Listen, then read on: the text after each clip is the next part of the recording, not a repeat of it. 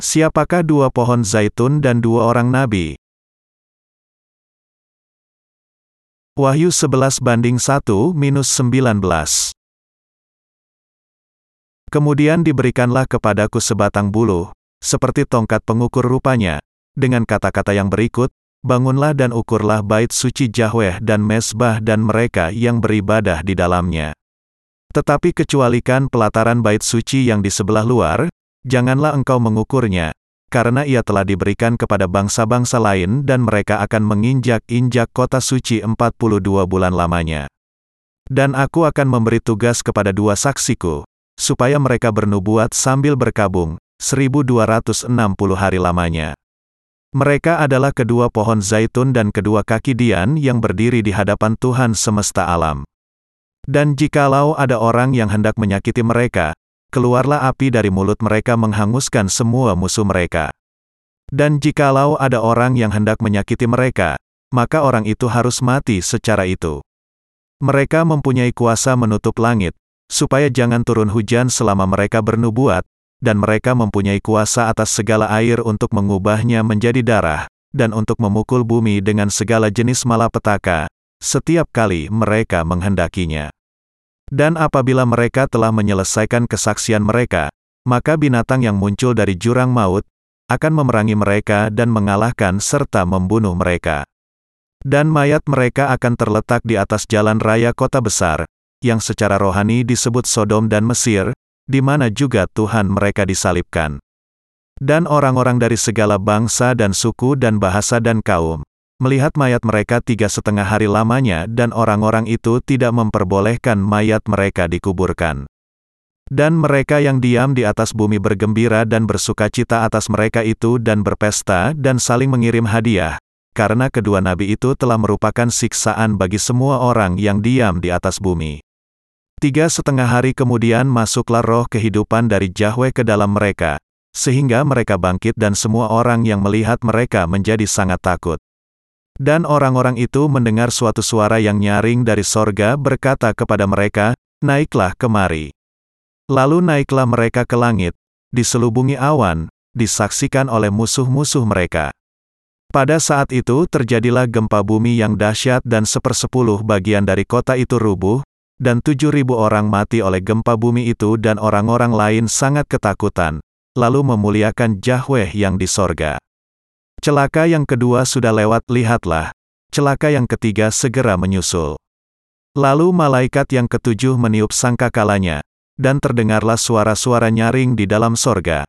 Katanya, pemerintahan atas dunia dipegang oleh Tuhan kita dan dia yang diurapinya. Ia akan memerintah sebagai raja sampai selama-lamanya. Dan kedua puluh empat tua-tua, yang duduk di hadapan Yahweh di atas tahta mereka, tersungkur dan menyembah Yahweh, sambil berkata, Kami mengucap syukur kepadamu, ya Tuhan, Yahweh, yang Maha Kuasa, yang ada dan yang sudah ada, karena engkau telah memangku kuasamu yang besar dan telah mulai memerintah sebagai raja dan semua bangsa telah marah. Tetapi amarahmu telah datang dan saat bagi orang-orang mati untuk dihakimi dan untuk memberi upah kepada hamba-hambamu, nabi-nabi dan orang-orang kudus dan kepada mereka yang takut akan namamu, kepada orang-orang kecil dan orang-orang besar dan untuk membinasakan barang siapa yang membinasakan bumi. Maka terbukalah bait suci Yahweh yang di sorga, dan kelihatanlah tabut perjanjiannya di dalam bait suci itu dan terjadilah kilat dan deru guruh dan gempa bumi dan hujan es lebat. Firman di dalam kitab Wahyu 11 sangat penting bagi kita, sebagaimana di dalam semua firman Yahweh. Untuk membinasakan dunia ini, ada karya yang sangat penting yang harus dilakukan Yahweh terlebih dahulu. Hal itu adalah untuk menuai dari antara bangsa Israel untuk yang terakhir kalinya. Yahweh juga memiliki pekerjaan yang lain bagi bangsa Israel maupun bangsa-bangsa lain, dan itu adalah untuk membuat mereka terlibat di dalam kebangkitan yang pertama dan pengangkatan dengan cara menjadi martir. Karena Alkitab menyediakan gambaran yang menyeluruh mengenai isu ini, kita perlu mengetahui bagaimana keselamatan Yahweh dari pengampunan dosa digenapi di dalam Perjanjian Baru. Alkitab mengatakan kepada kita tentang pokok ini karena kalau kita tidak menyelidikinya secara seksama, kita akan menjadi bingung tentang orang-orang kudus, para hamba Yahweh, dan bangsa Israel yang kita lihat di dalam kitab Wahyu. Eksegese Ayat 1, Kemudian diberikanlah kepadaku sebatang buluh, seperti tongkat pengukur rupanya, dengan kata-kata yang berikut, Bangunlah dan ukurlah bait suci Yahweh dan Mesbah dan mereka yang beribadah di dalamnya. Di sini dikatakan bahwa karya penyelamatan bangsa Israel dari dosa oleh anugerah Yahweh sudah ditentukan untuk dimulai. Ukurlah, di sini berarti bahwa Yahweh akan secara pribadi turun tangan untuk menyelamatkan bangsa Israel dari det mereka di akhir zaman. Di dalam bagian utama pasal 11, kita harus menempatkan fokus kepada keselamatan bangsa Israel dari dosa. Firman ini mengatakan bahwa Injil air dan roh akan diberitakan di antara orang-orang Israel sejak saat itu, yang menandakan dimulainya karya Yahweh yang akan menjadikan bangsa Israel sebagai umat Yahweh diselamatkan dari dosa mereka melalui anugerah keselamatan yang diberikan oleh Yesus Kristus. Yahweh menuliskan di dalam Wahyu 11 juga memberikan pengampunan dosa darinya kepada bangsa Israel di akhir zaman. Mengukur di dalam ayat 1 dan 2 juga berarti menetapkan standar bagi segala sesuatu.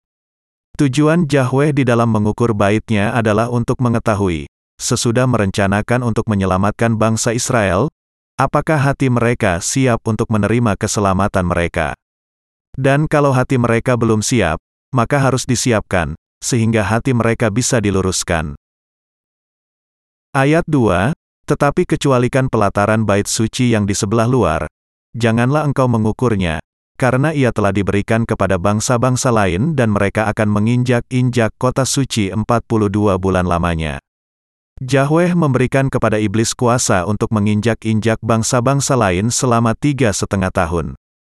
Karena itu, Bangsa-bangsa lain harus menerima ke dalam hati mereka Injil air dan roh. Firman penebusan, secepat mungkin di dalam masa tiga setengah tahun pertama dari tujuh tahun masa kesengsaraan besar. Sejarah dunia akan berakhir ketika masa kesengsaraan besar mencapai titik tengahnya dan masuk ke dalam setengah masa yang kedua. Dengan segera, akan datang saatnya dengan cepat ketika semua bangsa-bangsa lain, dan juga orang-orang kudus yang sudah diselamatkan dari dosa mereka diinjak-injak oleh iblis. Bangsa-bangsa lain dengan itu harus menerima pengampunan dosa mereka dan mempersiapkan iman kemartran Merea sebelum masa tiga setengah tahun pertama dan kesengsaraan itu melewati mereka. Pada saat ini, bangsa Israel juga akan menderita di bawah kesengsaraan yang menakutkan selama masa tiga setengah tahun yang pertama. Tetapi mereka kemudian juga akan menerima kenyataan bahwa Yahshua adalah juru selamat mereka pada saat ini. Pada akhirnya, bangsa Israel akan menerima keselamatan mereka dari segala dosa mereka selama masa tiga setengah tahun pertama dari masa kesengsaraan besar. Kita harus menyadari bahwa Yahweh akan mengizinkan adanya pengampunan dosa bagi bangsa Israel bahkan selama masa kesengsaraan besar ini. Ayat 3, dan aku akan memberi tugas kepada dua saksiku, supaya mereka bernubuat sambil berkabung, 1260 hari lamanya. Yahweh secara khusus akan membangkitkan dua orang saksi sebagai hamba-hambanya bagi bangsa Israel. Kedua orang nabi yang akan dibangkitkan Yahweh bagi bangsa Israel diberi kuasa dua kali lipat dibandingkan dengan emuan nabi yang dahulu, dan melalui perkataan kesaksian mereka, Jakan mulai bekerja di antara bangsa Israel sehingga mereka bisa menerima Yesus Kristus sebagai juru selamat mereka. Melalui pekerjaan kedua nabi itu, banyak orang Israel akan menjadi orang-orang yang sungguh-sungguh dilahirkan kembali sebagai umat Yahweh. Dengan adanya dua nabi itu, yang akan diutus Yahweh pada masa akhir zaman untuk menyelamatkan bangsa Israel dari dosa-dosa mereka, melakukan mujizat-mujizat dan keajaiban, ia akan membuat bangsa Israel, yang kemudian akan dipimpin oleh kedua nabi itu, kembali kepada Kristus dan percaya kepadanya sebagai juru selamat mereka. Kedua nabi itu kemudian akan memberi makan firman Yahweh kepada bangsa Israel selama 1260 hari sepanjang tiga setengah tahun pertama dari masa kesengsaraan besar.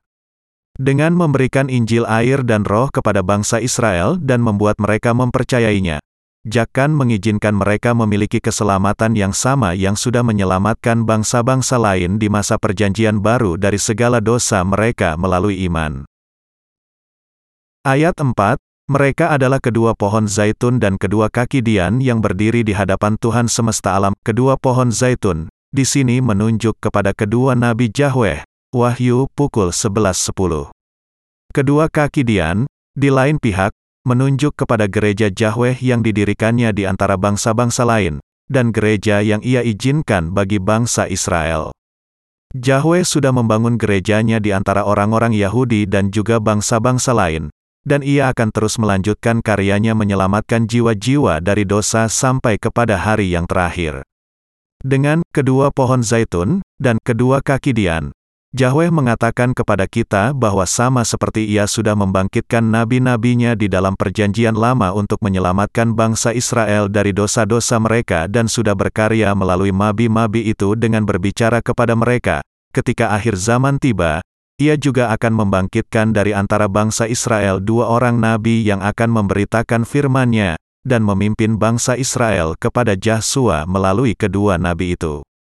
Bangsa Israel sudah gagal untuk menerima dengan serius para hamba Yahweh yang berasal dari bangsa-bangsa lain, dan mereka tidak mau mendengar apa yang dikatakan para hamba Yahweh ini kepada mereka. Karena mereka mengetahui segala sesuatu tentang tata cara pengorbanan dan nubuat di dalam perjanjian lama, di masa akhir zaman nabi-nabi Yahweh perlu dibangkitkan dari antara bangsa mereka sendiri yaitu bangsa Israel. Bangsa Israel begitu memahami ayat-ayat di dalam Alkitab sehingga mereka bisa menyebutkan keseluruhan isi Taurat walaupun mereka sedang berlari.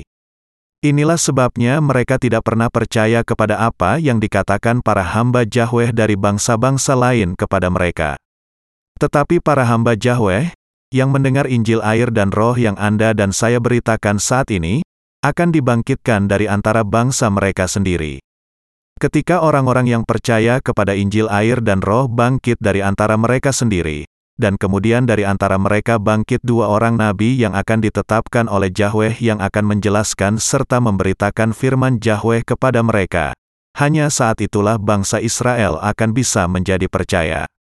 Bangsa Israel akan mengetahui bahwa kedua saksi itu adalah nabi-nabi yang dibangkitkan oleh Yahweh sendiri untuk menyelamatkan mereka dari dosa-dosa mereka di akhir zaman.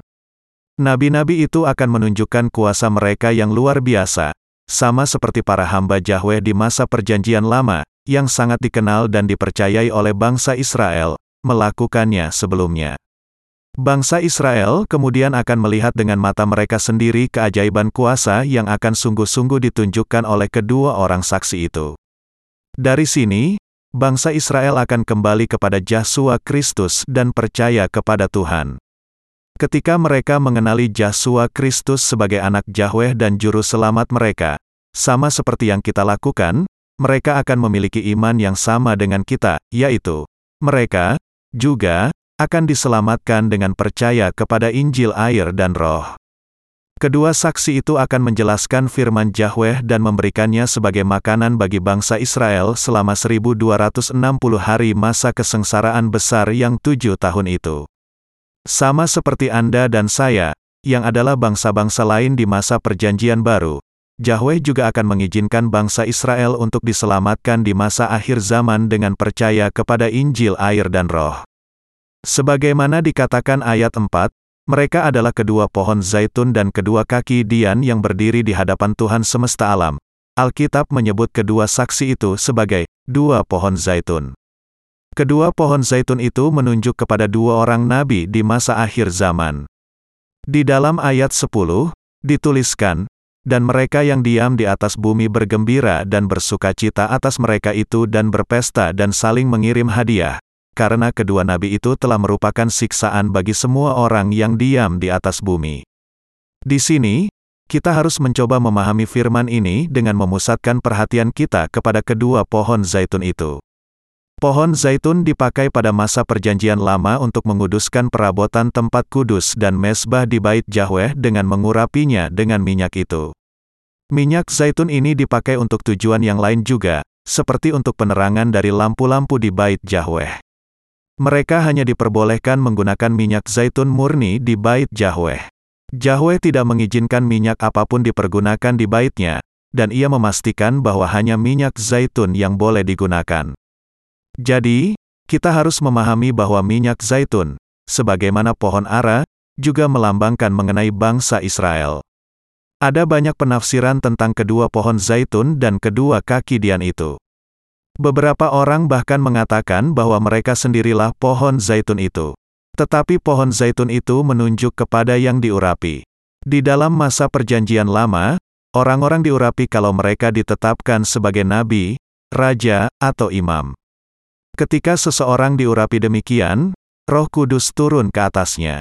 Dengan demikian, pohon zaitun menunjuk kepada Yesus Kristus yang sudah dikandung karena roh kudus. Roma pukul 11.24. Tetapi manusia memiliki banyak kesalahpahaman dalam bidang ini. Akan tetapi, kedua pohon zaitun itu, yang adalah kedua saksi yang disebutkan di sepanjang bagian utamanya, menunjuk kepada kedua hamba Yahweh yang akan dibangkitkannya secara khusus bagi keselamatan bangsa Israel. Inilah yang dijelaskan oleh ayat 4 kepada kita. Dan kedua kaki Dian di sini menunjuk kepada gereja Yahweh yang diizinkannya ada di antara bangsa-bangsa lain, dan gereja juga diizinkan ada di antara bangsa Israel. Di masa Perjanjian Lama, bangsa Israel memiliki gereja Yahweh yang aslinya. Tetapi sejak zaman Perjanjian Baru, mereka tidak lagi memiliki gereja Yahweh ini. Mengapa? Karena mereka tidak mengenali Yesus Kristus, dan juga tidak memiliki roh kudus di dalam hati mereka. Saat mereka tidak mau menerima Injil air dan roh dan juga Yesus Kristus, gereja Yahweh tidak ada lagi di antara mereka. Namun, sebelum masa akhir dunia ini, di masa tiga setengah tahun pertama masa kesengsaraan besar, Yahweh akan mengizinkan gerejanya ada di antara bangsa Israel juga. Inilah sebabnya Alkitab mengatakan kepada kita tentang dua pohon zaitun, yang adalah dua orang saksi itu. Tuhan akan menetapkan gerejanya dan melakukan pekerjaannya menyelamatkan jiwa dari dosa baik di antara orang-orang Yahudi maupun bangsa-bangsa lain. Dan melalui gereja-gereja ini, ia akan membuat mereka melayani pekerjaan rohani menyelamatkan jiwa sampai datangnya Antikristus. Ini berarti bahwa Yahweh akan menjadikan orang-orang kudus itu sebagai bejana, anggota-anggota dari gerejanya, untuk membuat mereka melakukan pelayanan menyelamatkan jiwa-jiwa yang hilang di dalam dosa. Karena itu kita harus dengan tekun melakukan pelayanan kita yang masih ada dengan iman. Ayat 5, Dan jikalau ada orang yang hendak menyakiti mereka, keluarlah api dari mulut mereka menghanguskan semua musuh mereka. Dan jikalau ada orang yang hendak menyakiti mereka, maka orang itu harus mati secara itu. Yahweh memberikan kuasa ini kepada kedua orang nabi supaya mereka melaksanakan misi mereka yang sangat khusus ini.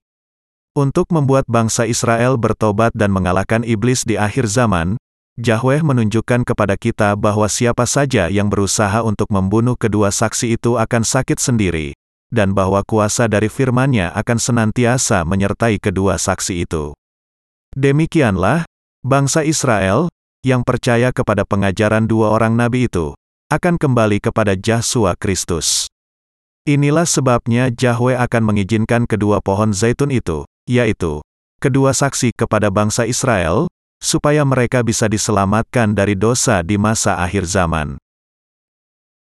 Ayat 6, mereka mempunyai kuasa menutup langit, supaya jangan turun hujan selama mereka bernubuat, dan mereka mempunyai kuasa atas segala air untuk mengubahnya menjadi darah, dan untuk memukul bumi dengan segala jenis malapetaka, setiap kali mereka menghendakinya karena bangsa Israel tidak mau bertobat kecuali kalau para hamba Yahweh yang dibangkitkannya bagi mereka melakukan tindakan-tindakan penuh kuasa.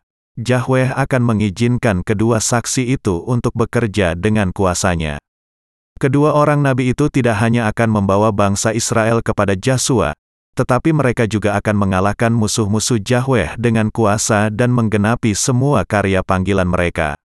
Yahweh akan memberikan kepada mereka kuasa yang khusus supaya mereka bisa memberitakan semua firman nubuatan kepada bangsa Israel, menyaksikan bahwa Yesus Kristus adalah Mesias yang telah lama mereka nantikan, dan membuat mereka percaya. Ayat 7, dan apabila mereka telah menyelesaikan kesaksian mereka, maka binatang yang muncul dari jurang maut, akan memerangi mereka dan mengalahkan serta membunuh mereka.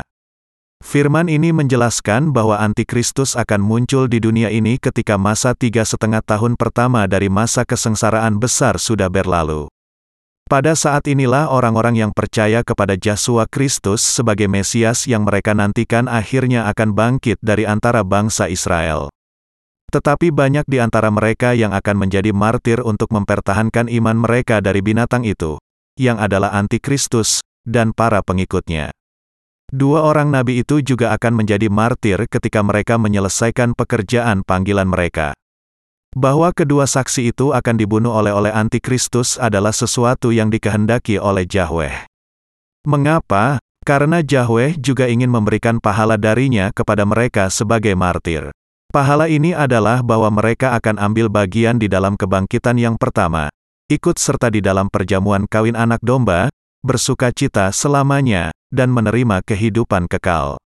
Untuk memberikan berkat ini kepada semua orang-orang kudus, Yahweh ingin agar mereka menjadi martir untuk iman mereka. Semua orang-orang kudus, dengan demikian, tidak boleh takut atau menghindari kemartiran mereka, dan justru menguatkan iman dan menerima pahala yang keberkatan. Ayat 8, dan mayat mereka akan terletak di atas jalan raya kota besar, yang secara rohani disebut Sodom dan Mesir, di mana juga Tuhan mereka disalibkan. Ayat ini menjelaskan bahwa kedua saksi adalah tepat berasal dari antara bangsa Israel.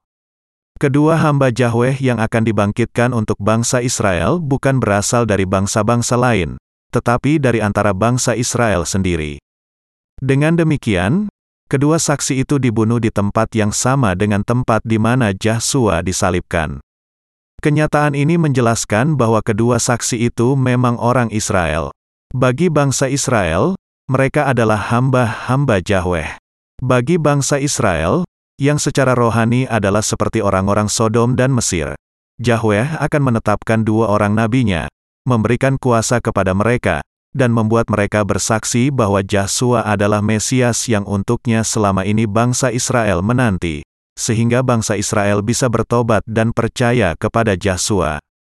Antikristus kemudian akan membunuh kedua hamba Yahweh di tempat Golgota, di mana Yahsua dulu disalibkan. Karena para pengikut antikristus memiliki roh jahat, mereka sangat membenci kedua saksi yang percaya kepada Yahsua dan bersaksi bagi dia. Seperti tentara Romawi yang menyalibkan Yahsua dan menusuk lambungnya dengan tombak sebelumnya, mereka yang memiliki roh jahat tidak hanya akan membenci Yahsua, tetapi mereka juga akan membenci kedua saksi Yahweh dan membunuh mereka. Ayat 9, dan orang-orang dari segala bangsa dan suku dan bahasa dan kaum, melihat mayat mereka tiga setengah hari lamanya dan orang-orang itu tidak memperbolehkan mayat mereka dikuburkan.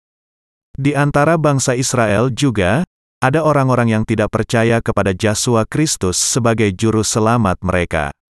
Melihat kematian daging yang dialami kedua hamba itu, dua pohon zaitun, orang-orang itu akan dikuasai oleh rasa kemenangan mereka, dan untuk menambah dalam rasa kemenangan itu, mereka bahkan tidak mau memberikan penguburan yang layak kepada korban mereka.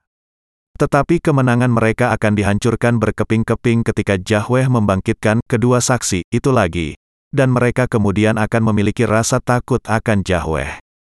Mungkin mereka merasa sangat puas diri dengan kematian kedua hamba Yahweh itu, tetapi hal itu tidak akan bertahan lama, karena mereka dengan segera akan menyadari bahwa antikristus bukanlah tandingan bagi Yesus Kristus, kekecewaan dan rasa kosong kemudian akan menguasai mereka. Orang-orang itu tidak menyukai firman Yahweh nubuat yang diberitakan oleh dua orang nabi itu. Dengan berdiri melawan kedua hamba yang dibangkitkan Yahweh, mereka pada akhirnya akan dipangkas dari panen akhir keselamatan dan kemudian menjadi pengikut-pengikut iblis. Ayat 10, dan mereka yang diam di atas bumi bergembira dan bersuka cita atas mereka itu dan berpesta dan saling mengirim hadiah, karena kedua nabi itu telah merupakan siksaan bagi semua orang yang diam di atas bumi. Karena mereka akan memberitakan firman Yahweh yang berisi nubuatan, kedua saksi itu akan menjadi sesuatu yang terasa menyakitkan bagi para pengikut iblis. Dengan demikian, mereka semua akan bersukaria dengan kematian kedua saksi itu dan saling mengirimkan hadiah sebagai tanda saling memberi selamat. Kita juga akan merasa senang kalau sesuatu yang mengganggu kita dilenyapkan. Antikristus dan para pengikutnya akan merasa marah ketika kedua saksi itu dibangkitkan Yahweh untuk memberitakan firman-Nya. Setiap kali mereka mendengar firman Yahweh, roh mereka akan dikuasai oleh kesusahan. Karena mereka merasa selalu tersiksa setiap kali kedua saksi itu berbicara kepada mereka mengenai Joshua, mereka kemudian bersukaria ketika mereka melihat keduanya dibunuh oleh Antikristus. Inilah sebabnya mereka akan saling mengirimkan hadiah sebagai tanda saling memberi selamat. Ayat 11, tiga setengah hari kemudian masuklah roh kehidupan dari Yahweh ke dalam mereka, sehingga mereka bangkit dan semua orang yang melihat mereka menjadi sangat takut. Yahweh, bagaimanapun, akan membuat kedua saksi itu ambil bagian di dalam kebangkitan yang pertama. Firman ini adalah bukti akan kenyataan bahwa orang-orang kudus, yang menjadi martir untuk mempertahankan iman mereka setelah diselamatkan dari dosa mereka dengan percaya kepada firman keselamatan yang diberikan oleh Tuhan, akan ambil bagian di dalam kebangkitan yang pertama. Bahwa roh kehidupan akan dimasukkan ke dalam mereka tiga setengah hari kemudian, menjelaskan kepada kita bahwa Tuhan akan mengizinkan mereka bangkit kembali tidak lama kemudian, sama seperti ia sendiri dibangkitkan dari kematian dagingnya bahwa Yahweh memberikan kepada orang-orang kudus iman akan kebangkitan yang pertama ini. Bagi orang-orang kudus itu sendiri, suatu berkat yang besar dari Yahweh.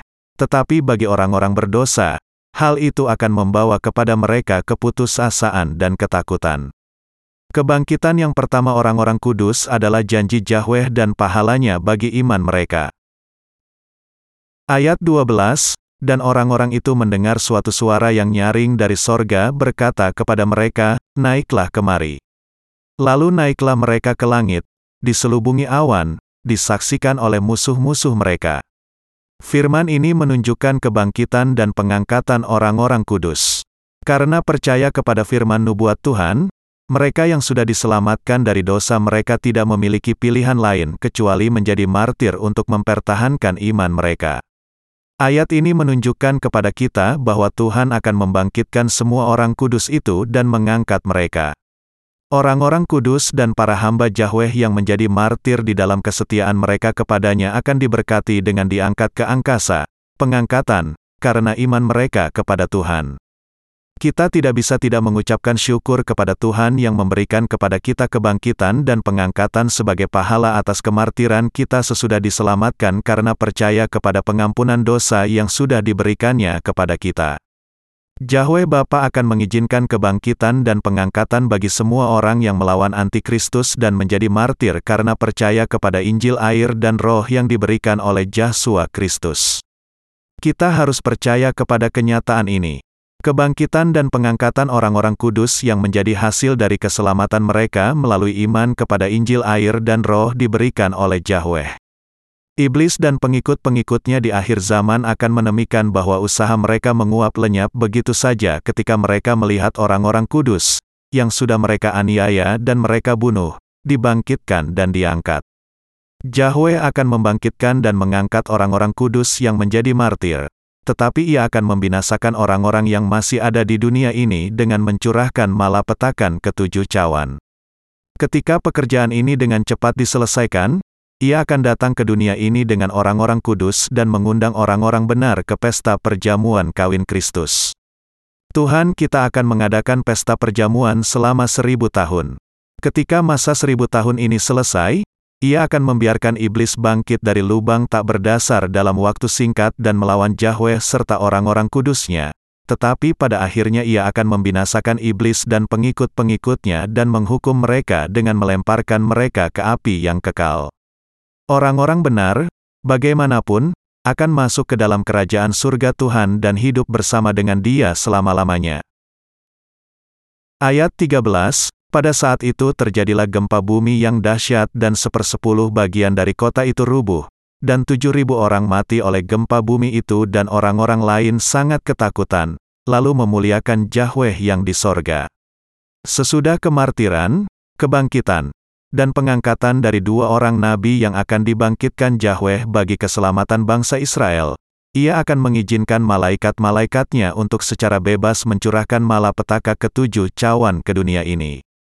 Orang-orang yang masih ada di dalam dunia ini setelah pengangkatan orang-orang kudus akan menerima malapetaka ketujuh cawan sebagai upah bagi mereka. Hanya saat itu mereka baru diliputi oleh ketakutan dan memberikan kemuliaan kepada Yahweh. Tetapi hal itu sudah tidak ada gunanya bagi mereka, karena hal itu bukanlah tindakan iman yang benar di dalam kasih Yahweh. Ketika dunia ini dibinasakan, orang-orang benar akan memiliki surga kekal mereka, kebangkitan kekal, dan berkat kekal. Bagi orang-orang benar, hanya penderitaan api kekal di neraka yang akan menanti mereka.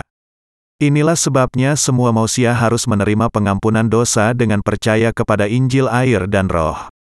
Dan karena mereka yang sudah diselamatkan dari dosa mereka kemudian percaya kepada dunia baru yang dijanjikan Yahweh bagi mereka, mereka mengabarkan Injil air dan roh kepada semua manusia. Ayat 14, Celaka yang kedua sudah lewat, lihatlah, celaka yang ketiga segera menyusul. Bagi bangsa-bangsa lain dan juga bangsa Israel, celaka yang ketiga dari Yahweh akan menantikan semua manusia kecuali mereka yang ikut ambil bagian di dalam kebangkitan dan pengangkatan dengan diselamatkan dan menjadi martir. Malapetaka yang terjadi di antara bunyi sangkakala yang keenam sampai kepada awal malapetaka ketujuh cawan dengan dibunyikannya sangkakala ketujuh disebut sebagai celaka yang kedua. Malapetaka ketujuh sangkakala dibagi menjadi tiga periode, periode awal, pertengahan dan akhir. Malapetaka alam dan kemartiran orang-orang kudus oleh antikristus termasuk ke dalam celaka yang pertama dan celaka yang kedua. Celaka yang ketiga, di lain pihak, adalah malapetaka yang akan membinasakan sepenuhnya dunia ini. Celaka yang ketiga ini adalah cawan murka Yahweh yang akan dicurahkan kepada orang-orang berdosa yang masih berada di dalam dunia ini. Ayat 15, Lalu malaikat yang ketujuh meniup sangkakalanya, dan terdengarlah suara-suara nyaring di dalam sorga. Katanya, pemerintahan atas dunia dipegang oleh Tuhan kita dan dia yang diurapinya, dan ia akan memerintah sebagai Raja sampai selama-lamanya. Kalimat terdengarlah suara-suara nyaring di dalam sorga, menunjukkan bahwa orang-orang kudus dan para hamba yang sudah diselamatkan dari segala dosa sudah akan ada di surga pada saat malapetaka ketujuh cawan dimulai di dalam dunia ini. Dengan demikian, umat Yahweh tidak akan lagi ditemukan di dalam dunia pada saat ini. Kita harus menyadari hal ini. Pemerintahan atas dunia dipegang oleh Tuhan kita dan Dia yang diurapinya dan ia akan memerintah sebagai raja sampai selama-lamanya.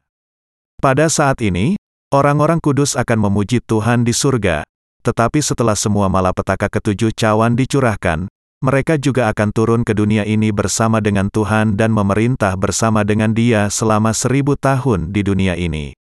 Hal ini kemudian akan diikuti dengan peristiwa Tuhan bersama orang-orang kudus memerintah selama-lamanya di langit baru dan bumi baru. Untuk menyelamatkan kita dari segala dosa kita, Tuhan kita sudah melayani kita sebagai hamba selama beberapa waktu, dan bukan memerintah atas kita sebagai raja. Ia sudah mencurahkan kepada kita anugerahnya yang menjadikan orang-orang yang percaya kepada Injil air dan roh sebagai keselamatan mereka sebagai akhir zaman.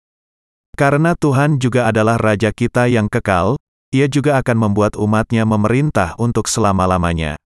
Haleluya, puji Tuhan, Ayat 16, dan ke-24 tua-tua, yang duduk di hadapan Yahweh di atas tahta mereka, tersungkur dan menyembah Yahweh.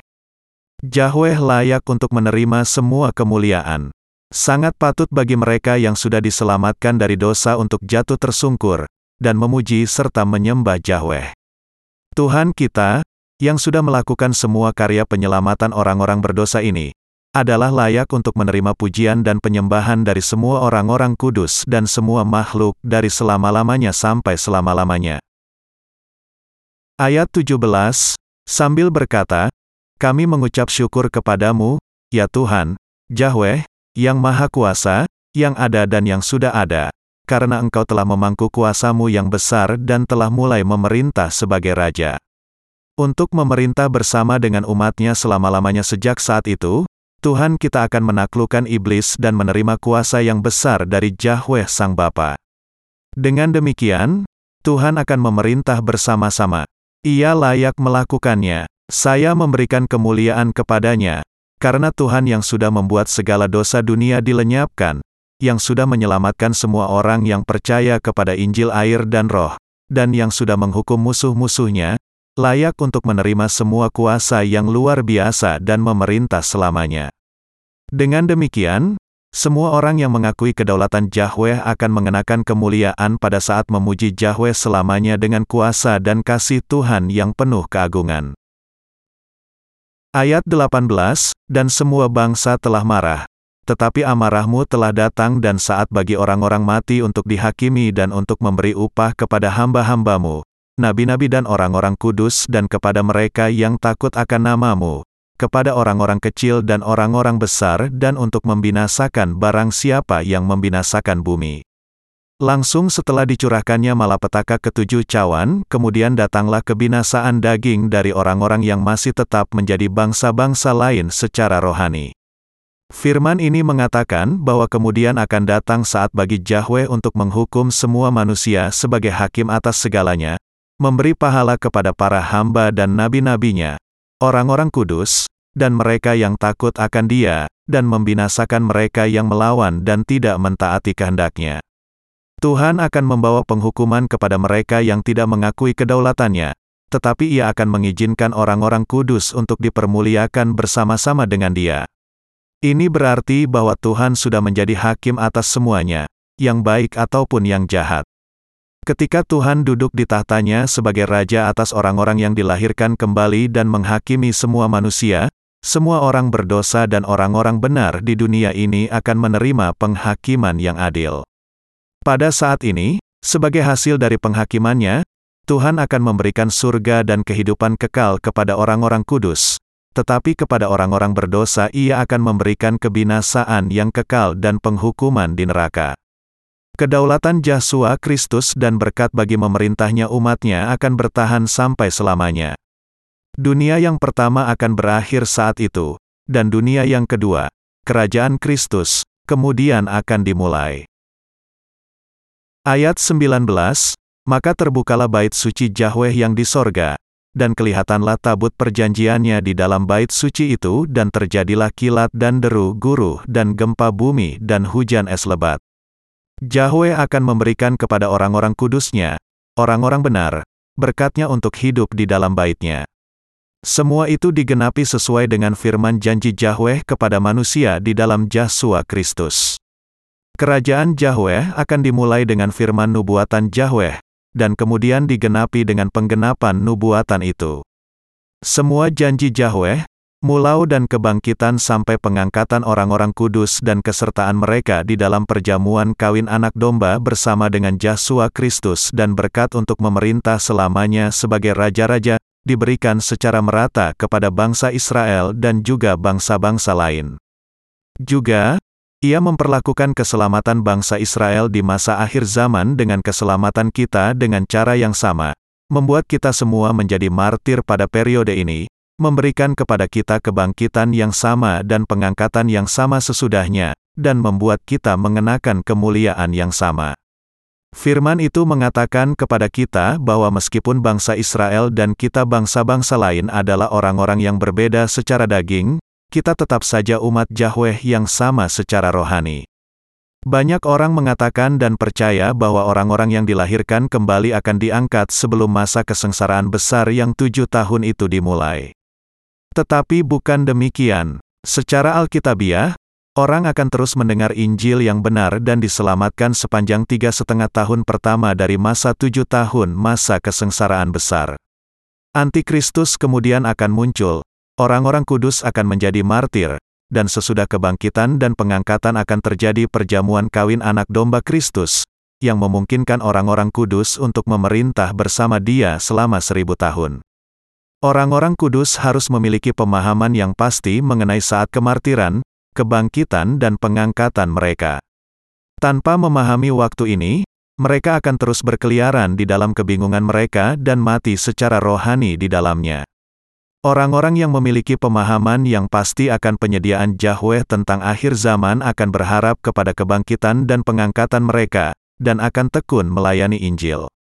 Orang-orang yang tahu bahwa tidak ada harapan di dunia ini harus memiliki pengharapan yang sama dengan orang-orang yang dilahirkan kembali dengan percaya kepada Injil air dan roh.